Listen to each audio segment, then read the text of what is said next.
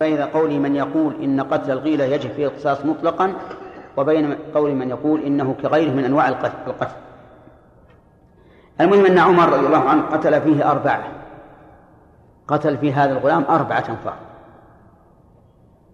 وقال لو اجتمع عليه أهل صنعاء لقتلتهم به.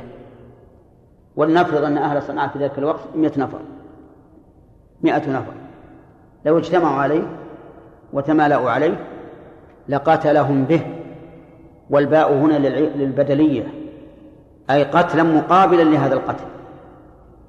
هذا قول عمر أحد الخلفاء الراشدين وأرشدهم بعد أبي بكر رضي الله عنهما وهو الذي يأتي قوله فيوافقه حكم الله عز وجل. حتى قال النبي عليه الصلاة والسلام إن يكن فيكم محدثون فعمر أي ملهمون للصواب فعمر. وقال عليه الصلاة والسلام اقتدوا بالذين من بعد أبي بكر وعمر. وقال إن يطيعوا أبا بكر وعمر يرشدوا. قال لو اجتمع عليه أهل صنعاء لقتلتهم به. وهذا وعليه فتقتل الجماعة بالواحد بشرط التمالؤ لأنه قال لو اجتمع عليه أهل صنعاء يعني تمالأوا على ذلك. فإذا تمالأ جماعة على قتل واحد قتلوا جميعا المباشر وغير المباشر. لأن قتل المباشر واضح وقتل الآخرين لأنهم سند له. لولا أنهم أسندوه لكان يقدم أو لا يقدم. لكن إذا أسندوه قووا عزمه وقتل وعلى هذا فيقتل الجماعة بالواحد إن تمالأوا على ذلك. زاد الفقهاء رحمهم الله أو لم يتمالأوا لكن صلح فعل كل واحد لقتله. مثل ثور عليه رجلان بدون ممالأة. أحدهما شق جنبه الأيمن والآخر شق جنبه الأيسر. فمن يقتل؟ يقتل رجلان لأن فعل كل واحد صالح للقتل لو انفرد.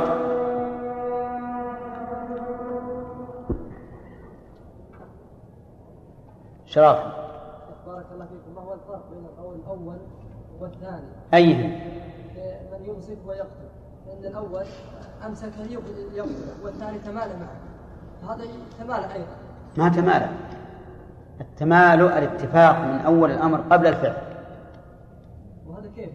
هذا قال رد الواحد رد هذا رد هذا وهو مش شاهن السكين فأمسك. هذا يعني عرف يقتل. إيه لكن ما ما تبقى وياه. لأنه من الممكن من الممكن أنه عرف أنه يقتله وأنه إذا وصل يمكن يمنعه. نعم. الله إليكم. موضوع الممالأة وعدم الممالأة غير منضبط إيه؟ يعني يعني قد يقول القاتل مثلا أنا لم أمالك. القاتل؟ الممسك. أي. قد يقول الممسك أنا لم أمالك الأصل عدم الموالاة طيب إذا مال أبوه ثم ادعى عدم الممالأة يحلف ويمشي. إذا يكثر القتل يا شيخ هذا. لا ما إذا لو قدرنا لو قدرنا على يعني كل احتمال إنه سيكون سببا لكثرة الإمساك ليقتل. لكثرة القتل. نعم كثرة الإمساك ليقتل. فهنا للإمام أن يرى رأيه في هذا الموضوع. وما وما دام المسألة فيها قول بعض العلماء بأنه يقتل الرجلان يمكن أخذ به. لكن ها؟ الدليل هل في دليل الدليل أن أنه يحبس وذاك يقتل. لكن قصدي هل في دليل على الممالأة حديث حديث عمر. حديث عمر اشترك. والمنصف ما اشتركوا بارك الله فيه. يقول لو تمالأوا ما قال لو اشترك في أهل صنع نعم.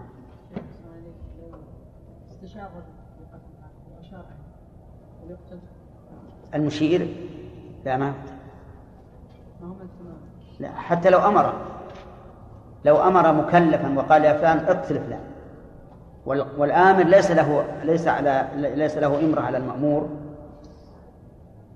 فذهب فقتله فإنه يقتل القاتل. نعم إذا كان شيخ القاتل ضعيف الشخصية يتأثر بكل قول يقول قول القاتل هذا واحد لما إيه. أما إذا كان صغيرا فلا بأس أو مجنونا فعلى الآمر وأما إذا كان عاقلا.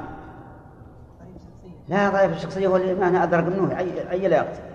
لا يقول اقتلوا أعطيك 100 ريال. قال لا أقتلهم يقتلونني نعم. إيش؟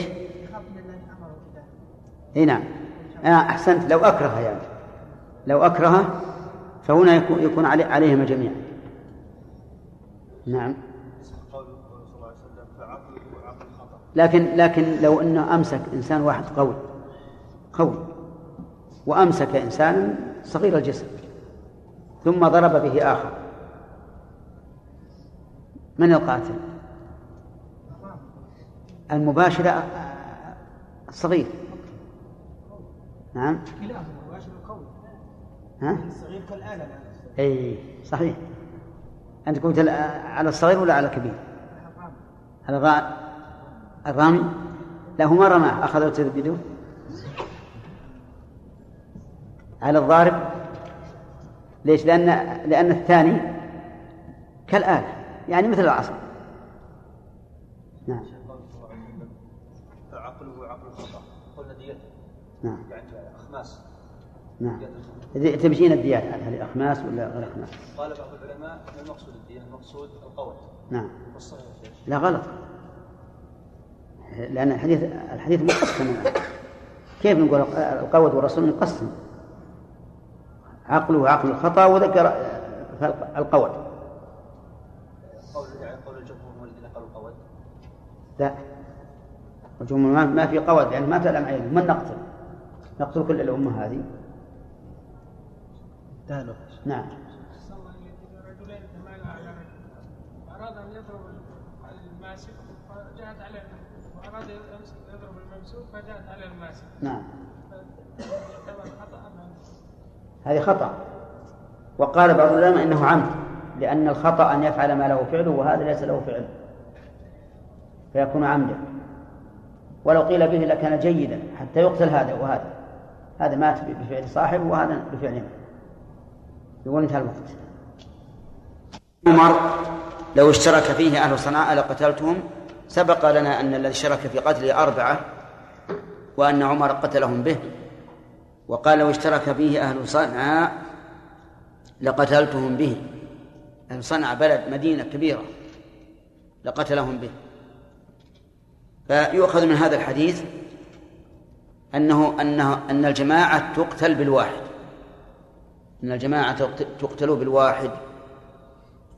لكن اشترط اشترط العلماء في هذا أن يتمالؤوا على قتله يعني يتفقوا على قتله. فيقولون فيقولوا سنقتل فلانا أو يصلح أو يصلح فعل كل واحد لقتله لو انفرد. يصلح فعل كل واحد لقتله لو انفرد يعني أن يكون فعل كل واحد مهلكا لو انفرد وحده. مثال الأول اتفق أربعة من من الناس على أن يقتلوا فلانا. فحضروا إليه.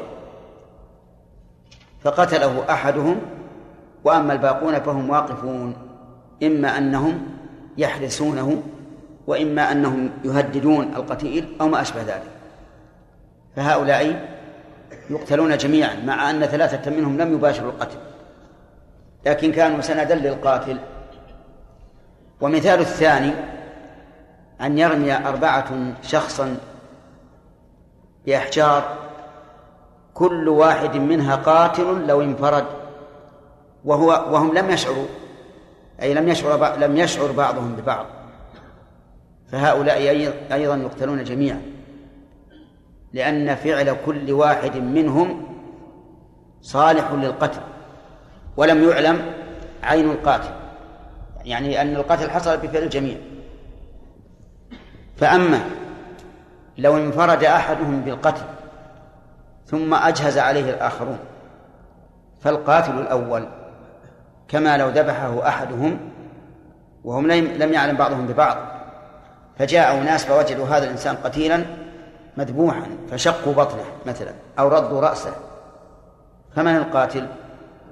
القاتل الأول. ولو كان بالعكس جرحوا إنسان جرحا أو ضربه ضربا غير قاتل ثم جاء آخر فوجده صريعا بعد الضربة فذبحه. فمن القاتل؟ القاتل الثاني. طيب.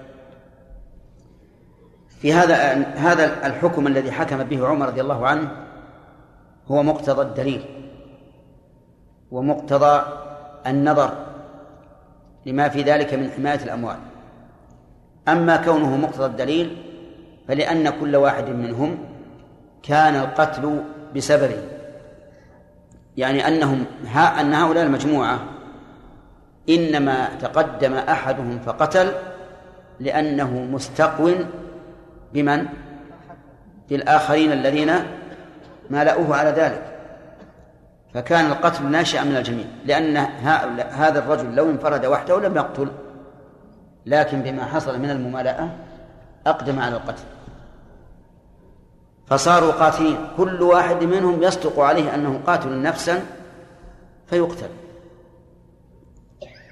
وأما الصورة الثانية إذا لم يتمالأوا ولكن صلح كل فعل كل واحد للقتل فكذلك. لأن كل واحد منهم جنايته موجبة للقصاص فواجب أن يقتل. وهذا الذي قبض به عمر هو الموافق للنظر والقياس الصحيح.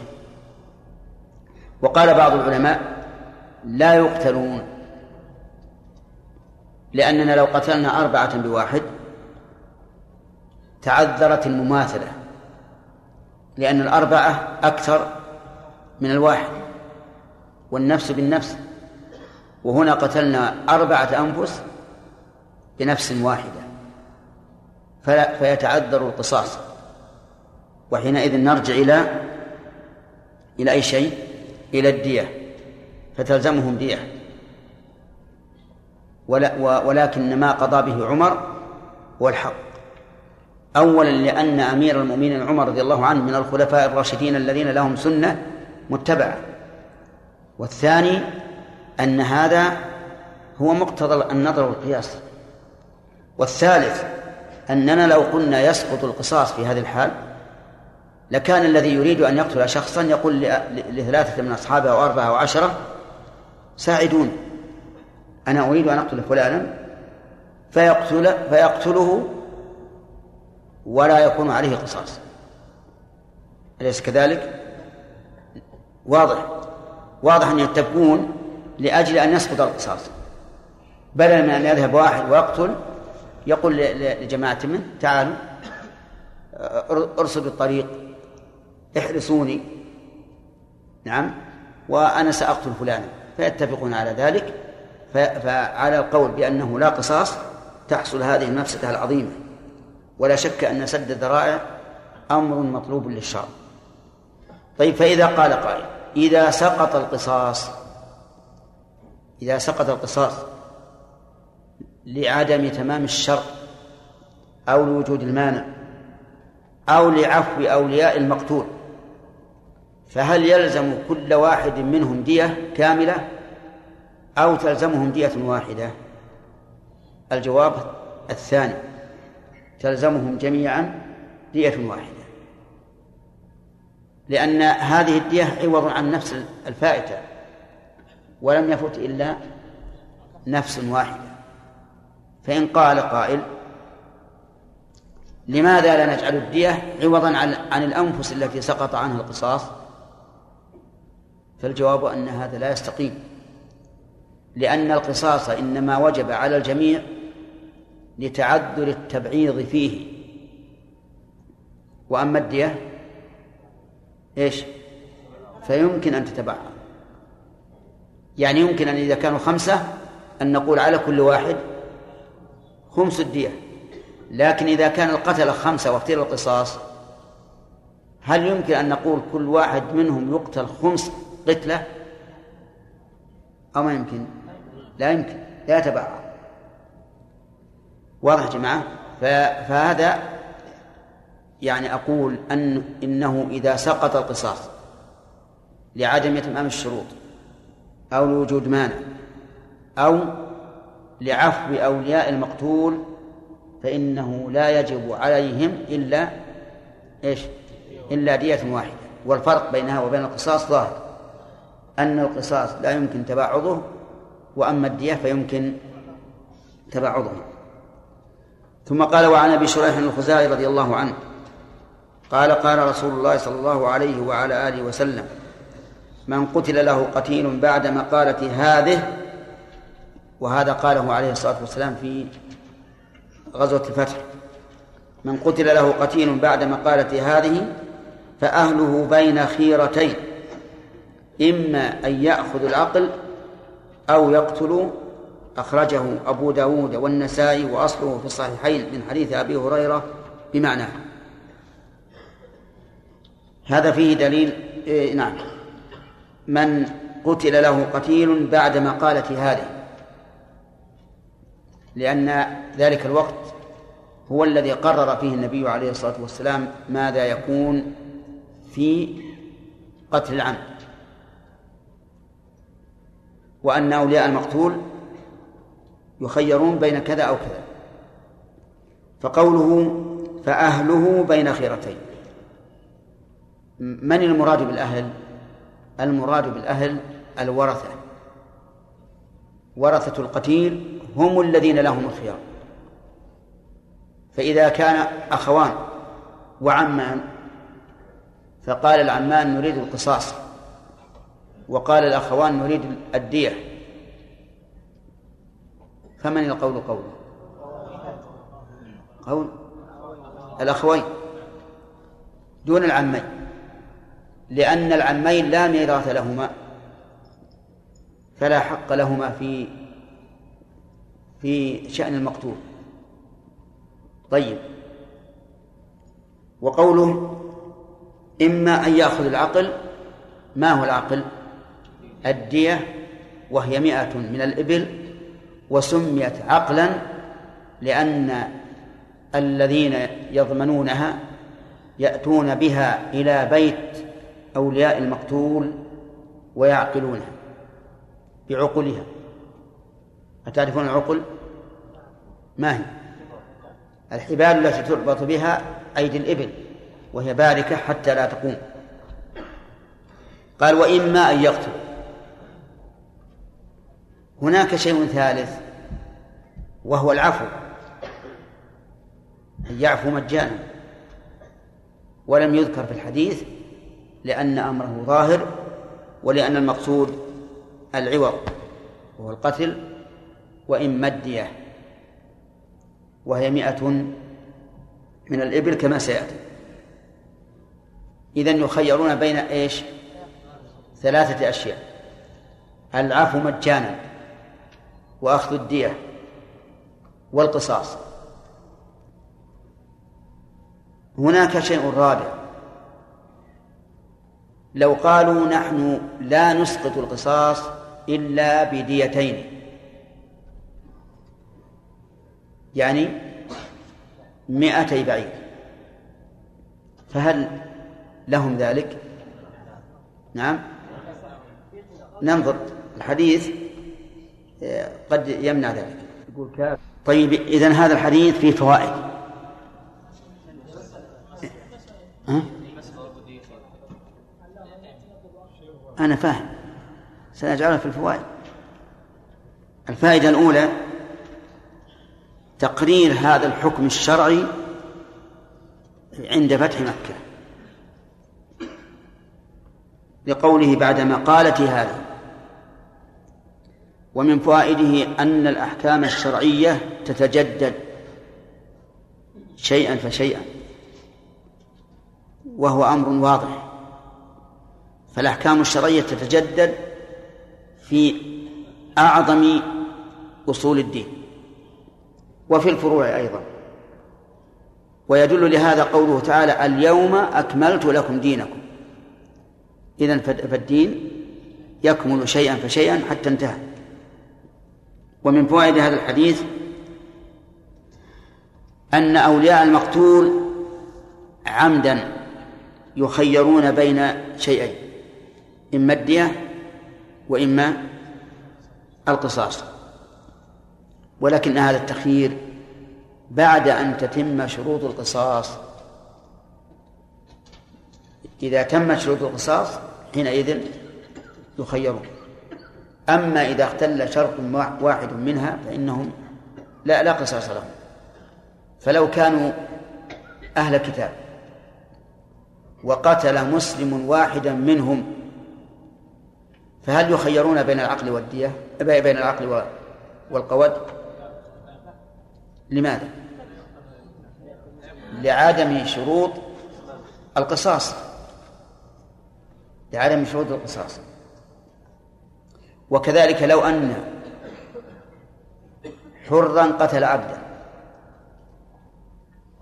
فهل يخير أولياء العبد بين القصاص والدية على القول بأنه لا يقتل الحر بالعبد؟ لا. وهل مجرا المهم إذا تمت الشروط خير أهل القتيل وهم ورثته بين هذين الشيئين. ومن فوائد الحديث أنه ليس هناك شيء ثالث في فيما يعوض به عن عن القتيل. واضح؟ ما في شيء ثالث يعوض به عن القتيل. وإنما قلنا يعوض به عن القتيل ليخرج ليخرج العفو مجانا. فيقال لأولياء المقتول إما أن إما أن تقتلوا وإما أن تأخذوا الدية فقط. أما العفو فليس واردا في هذا الحديث. وعلى هذا فلو قال أولياء المقتول لا نسقط القصاص إلا بديتين أو ثلاث أو أربع أو عشر. منعوا. وقيل لا لا. إما أن تقتلوا وإما أن تأخذ الدية. وإلى هذا ذهب بعض أهل العلم وقالوا إنه لا يمكن المصالحة عن الدية بأكثر منها. لأن الدية عوض مقدر شرعا. وما قدر شرعا فإنه لا يجوز تجاوزه. انتبه. وقال بعض العلماء بل يجوز المصالحة عن القصاص بأكثر من دية. لأن أولياء المقتول إذا قالوا إذا كنتم لا تريدون أن تعطون أن تعطون إلا الدية فنحن سنقتله. فقال أولياء القاتل أو القاتل نفسه قال أنا أدفع ديتين أنا أريد أن أفدي نفسي الواجب شرعا دية لكن إذا كنتم مصممين على القتل فأنا أريد أن أفدي نفسي بزيادة فإذا رضي بذلك فما المانع. والجواب عن القول بأن هذا مقدر شرعا أن المراد به أن لا يقل عن مئة. من الإبل. فلو قال من تلزمهم الدية نحن لا نعطيكم إلا خمسين أو ثمانين قالوا لا. إلى إلى إلى ثمانين. وهذا القول أرجح. وذلك لدعاء الحاجة إليه.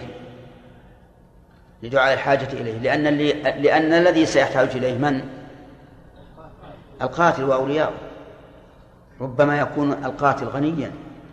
وأولياؤه أغنياء ولا يهمهم أن يبذلوا ديتين أو ثلاثا أو عشرة. المهم أن يبقى صاحبهم. فما المانع من هذا؟ نعم.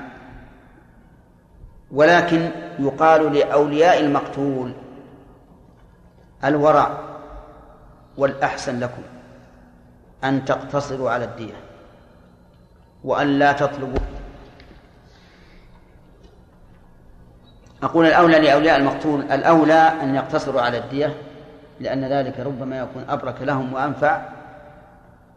وإذا بارك الله في المال نما وزاد وإذا نزعت البركة منه نقص وزاد. لو أن أولياء المقتول اختلفوا فقال بعضهم نريد القصاص وقال آخرون نريد الدية. فمن القول قوله؟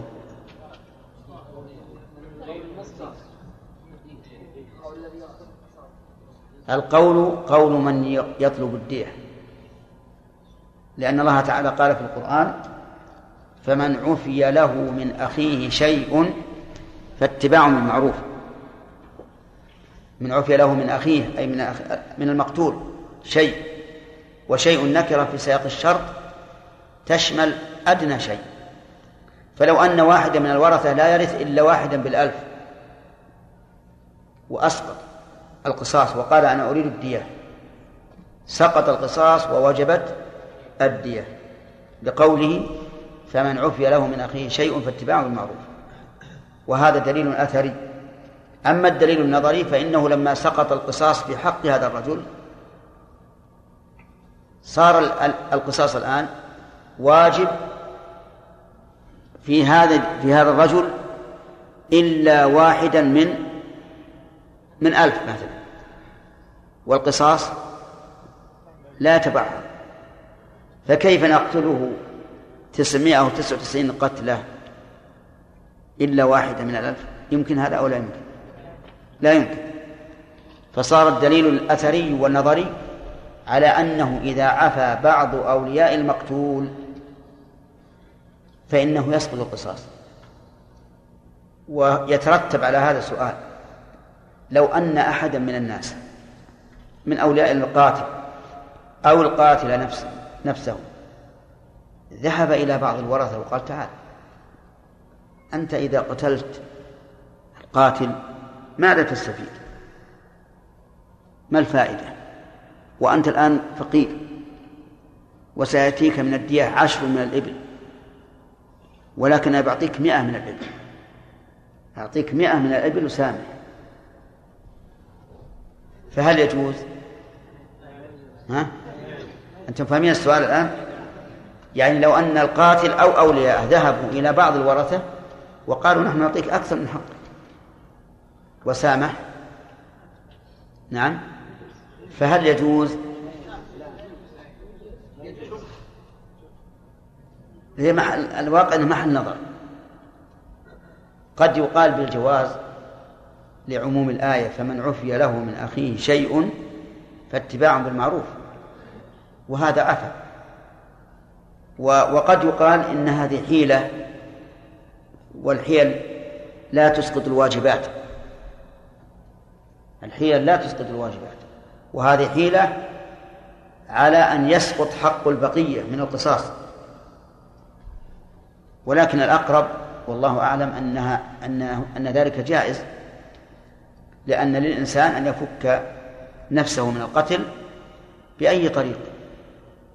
وهذا الرجل ذهب إلى إلى الشخص وقال أسقط القصاص وأنا أعطيك آه، ضعفي الدية التي لك فما المانع؟ ثم قال المؤلف وأصله في الصحيحين من حديث أبي هريرة بمعناه. يعني أصل هذا الحديث في الصحيحين من حديث أبي هريرة أن النبي صلى الله عليه وعلى آله وسلم قال من قتل له قتيل فهو بخير النظرين. ثم قال المؤلف باب الديات. الديات جمع دية وهو العوض المأخوذ عن النفس أو الأطراف أو الجروح. هذه الدية. الدية. عوض مأخوذ عن النفس أو الأطراف أو الجروح. عن النفس يعني دية النفس كاملة. أو الأطراف كدية اليد. أو الجروح كدية الموضحة. والمقدر للديات هو النبي صلى الله عليه وعلى آله وسلم. وإن كان أصله موجودا في الجاهلية لكن النبي صلى الله عليه وعلى آله وسلم أقر ذلك. قال عن أبي بكر بن محمد بن عامر بن حزم عن أبيه عن جده رضي الله عنهم أن النبي صلى الله عليه وعلى آله وسلم كتب إلى أهل اليمن فذكر الحديث وفيه.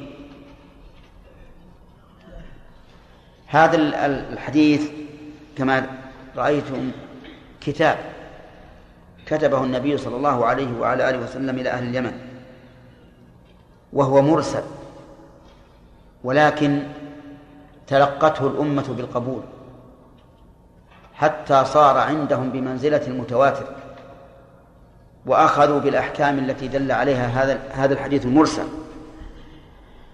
والمرسل إذا اعتضد بمرسل آخر أو بعمل المسلمين وتلقيه بالقبول صار حجة وهو حديث طويل تكلم فيه آه نعم جاء فيه أحكام في الطهارة وأحكام في الزكاة وأحكام في الديات. يقول فيه أن أن النبي صلى الله عليه وآله وسلم كتب وعلى آله وسلم كتب إلى أهل اليمن فذكر الحديث وفيه أن من اعتبط مؤمنا قتلا عن بينة فإنه قود إلا أن يرضى أولياء المقتول. أن من اعتبط. الاعتباط هو أخذ الشيء ظلما. والمعنى من اعتبطه أي قتله ظلما. ولهذا فسر الاعتباط بقوله قتلا لأن الاعتباط قد يكون مالا وقد يكون ضربا وقد يكون غير ذلك.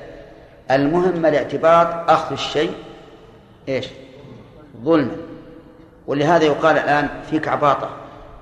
إيش معنى عباطة؟ أي نعم عنجهية وغطرسة وتعدي وما أشبه ذلك. أن من اعتبط مؤمنا قتلا عن بينة. يعني عن بينة يعني ثبت قتله ببينة فإن فيه قود. والقود يعني القصاص. لقول النبي صلى الله عليه وسلم لا يحل دم امرئ مسلم إلا بإحدى ثلاث الثيب الزاني والنفس والنفس بالنفس. ولقوله تعالى وكتبنا عليهم فيها أن النفس بالنفس ففيه القول قال إلا أن يرضى أولياء المقتول فإن رضي أولياء المقتول بالعفو مجانا أو بالعفو إلى دية أو بالمصالحة بأكثر من الدية على القول الذي رجحناه فلا قول. قال وأن في النفس الدية مئة مئة من الإبل. وأن في النفس يعني إذا قتل نفسا ففيها الدية. وقوله مئة من الإبل هذه عطف بيان. بينت الدية. وفي الأنف إذا أوعب جدعه الدية. أوعب يعني استوعب. فيه الدية. إذا قطع من المارن. والمارن ما لأن منه. والأنف مشتمل على أربعة أشياء. على قصبة. وعلى مار وهو يجمع ثلاثة أشياء المنخرين والحاجز بينهما.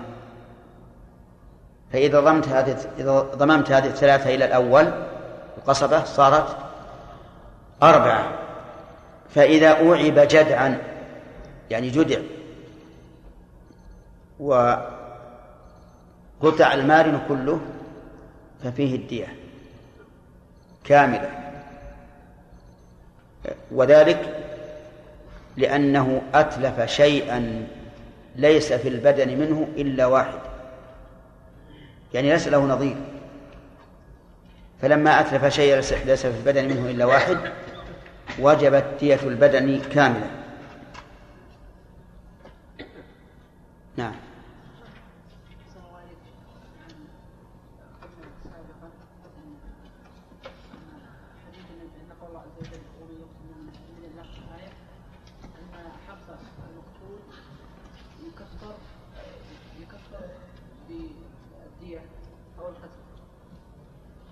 فإذا الشيخ أزال أو عفى المقتول عن الدية وعن القتل وبقي العفو فهل يكفر الشيخ القتل؟ ذكرنا فيما سبق أن قتل العمد يتعلق فيه ثلاثة حقوق حق لله حق للمقتول وحق لأولياء المقتول أما حق الله فيسقط بالتوبة لأن الله أخبرنا بذلك.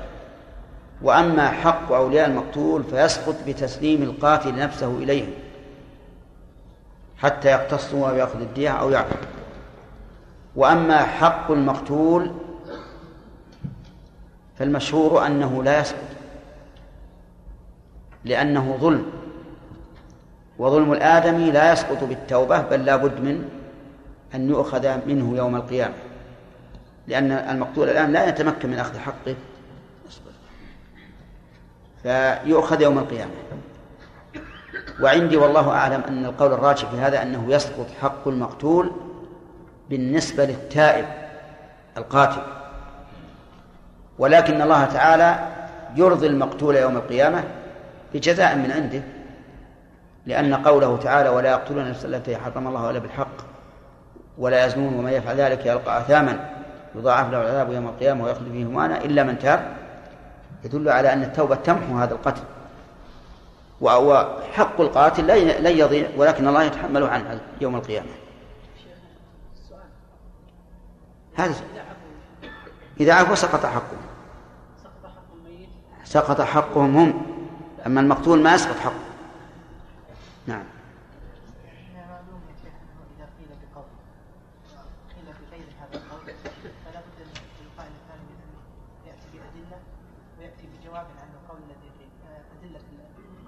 صحيح. أما الجواب أدلة من ذهب إلى أن الجماعة لا يقتلون بالواحد لعدم الإيمان. نعم. يقول الأخ العقيلي من المعلوم أننا إذا رجحنا قولا على قول لزمنا أمران. الأمر الأول إثبات الدليل الذي آه الأمر الأول الدليل الذي يثبت به القول الذي رجحنا والثاني إيش؟ الجواب عن دليل المعارض. وهذا صحيح. وجوابنا على هذا أن دليلنا سنة عمر رضي الله عنه. سنة عمر. وهذا دليل أثري لأن عمر له سنة متبعة. وذكرنا أيضا دليلا نظريا. ما هو؟ أنه لو قيل إن الجماعة لا تقتل بالواحد نعم.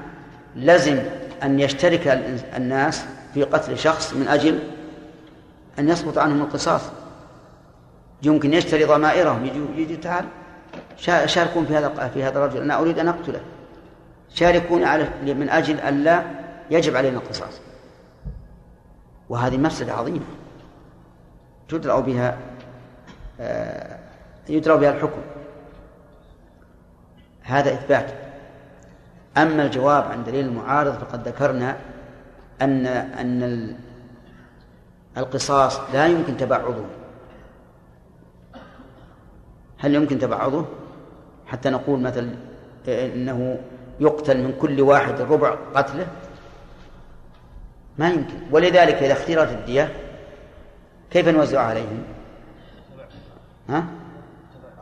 إيه، نوزعها بالقسط حسب حاله نعم.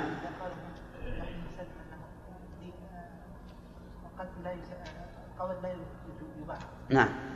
الدين لا ما ما يرجع للدين القصاص عمد النفس بالنفس. وهذا قتل نفسا بالمشاركة. هذه السجارة موديل نعم الله إليك ذكرتم بأن المقتول يسقط إذا كان القاتل توبة نصوص واستدلتم بآية الفرقان نعم أليست آية الفرقان في حق الله عز وجل؟ لا عام ما الذي جعلها عام يا شيخ؟ ولا يقتل النفس التي حرم الله الا بالحق ومن يفعل ذلك يلقى آثاما يضاعف له العذاب يوم القيامة ويخرج مهانا إلا من تاب. يقول أنا اضيع علي عمري. لا نعطيه يعطيها الله. قصدنا مو معناه يسقط حقه معناه أن الله يتحمله عنه عن هذا التائب. يعني يتحمل حق المقطوع عن هذا التائب. إي نعم. نعم. اتفق المقتول بسقوط القصاص لكن اختلفوا في الدية بعضهم يريدها بعضهم لا يريدها كيف؟ بعضهم يريد الدية وبعضهم لا يريد. طيب ما أحد يجبر عليه. يعني شيخ مثلا الدية تقسم كامل أو مثلا يأخذون نصيبهم فقط من الدية. يعني مثلا لو كانوا اثنين واحد منهم عفا والثاني معك طيب. هل نقول الثاني لك نصف الدية؟ له نصف الدية نعم. فقط هم الدية كاملة. لا نصف الدية. هي كالميراث تماما توزع كالميراث. لو كان معهم زوجة كان لها الربع والثمن. أم لها السدس والثلث حسب الحال. نعم. بارك الله فيك يجوز للمقتول من المقتول أن يأخذ دية. هل يجوز أن ينكر في بعض البلدان التي تطبق شرع الله عز وجل؟ هل يمكن إيش؟ يجوز في بعض البلدان التي لا تطبق شرع الله ان ينكر أهل القتيل والقاتل نفسه ينكر أن- أنه قتل حتى يطبق شرع الله بينهم يعني يأخذ دية أهل القتيل ياخذوا الدية الدية والقاتل يتركه ليش؟ يعني الآن في بعض البلدان إذا قتل فهمنا فهمنا بعض البلدان ما ما ما يقتص نعم إذا قتل أحدهم إيه. الآخر إيه نعم. يسجن سنتين طيب. ويخرج خلاص نعم.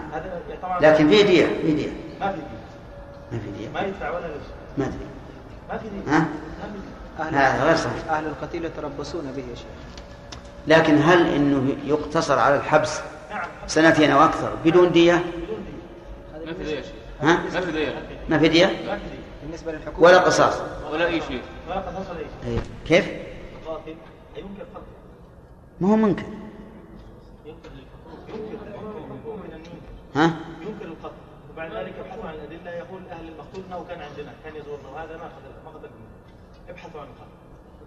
طيب. وبالتالي يترك معناه أنه يحتاج إلى إقامة البينة. إيش؟ فلا يحتاج إلى إقامة البينة. لابد من بينة أن هذا الرجل قتل صاحبه. هو هم قبضوا عليه يعني بالشبه. إنه هذا مشتبه إنه قتل. ما يكفي هذا. نعم. ما يكفي. أقول هذا لا يكفي. الا فاهم السؤال وانت ما فهمت الجواب. والله. يا شيخ السؤال يا شيخ إنه هو رجل قتل نعم. رجل. إي نعم. ولا هؤلاء يعني لما يعني آه، يعني الحك- الحكومة. تقول لن لن لن يرفعوا الأمر إلى الحكومة. مو لين يرفعه قبض عليه وخلاص انتهى. قبض على الرجل انتهى هو في السجن. طيب. ويعني سيحكم عليه بسنة سنتين. طبعا ما ما ينفذ. زين. طيب. فيعني قال هذا الرجل عليه وحقق معه قال ما قتلت أنا ما قتلت طيب. لاجل أنه نيته انه يدفع الدية. طيب. لأنه أصحاب يعني اتفقوا معه أهل القتيل على أنهم يعطوه الدية. فان كان يجري خارج طيب وإذا قال ما قتلته تطلق الحكومة؟ إذا قال ما قتلته و- و- وتبين انه أنه كان في المكان ال- ال- ال- في مك- في مكان ما وتبين أنه كان في مكان وقت وقوع الجريمة فيتركوه. وما وقت عليه ادله ما في عليه ادله طيب. عليه فقط. يعني قبض عليه شبهة. في هذا الحال لا بأس أن يقول ما قتلته لكن يتأول. يعني ممكن يعني يكفي ممكن. لا مو يكذب يتأول. أو كيف ي- مثلا قاتل يوم الأحد. قال ما قتلته يعني يوم السبت. أكيد هم عارفين هذا كيف؟ أكيد هم يعرفوا هذا ما هم عارفين. الحكومة وش تدري هذا؟ في القلب. لا لا ما ما يقول. في قلبه. هذا هو التأويل الذي ذكره في العلماء يعني. في القلب. يقول والله ما قتلته وهو يضمر يعني يوم السبت وكان القتل يوم الأحد. أو والله ما قتلته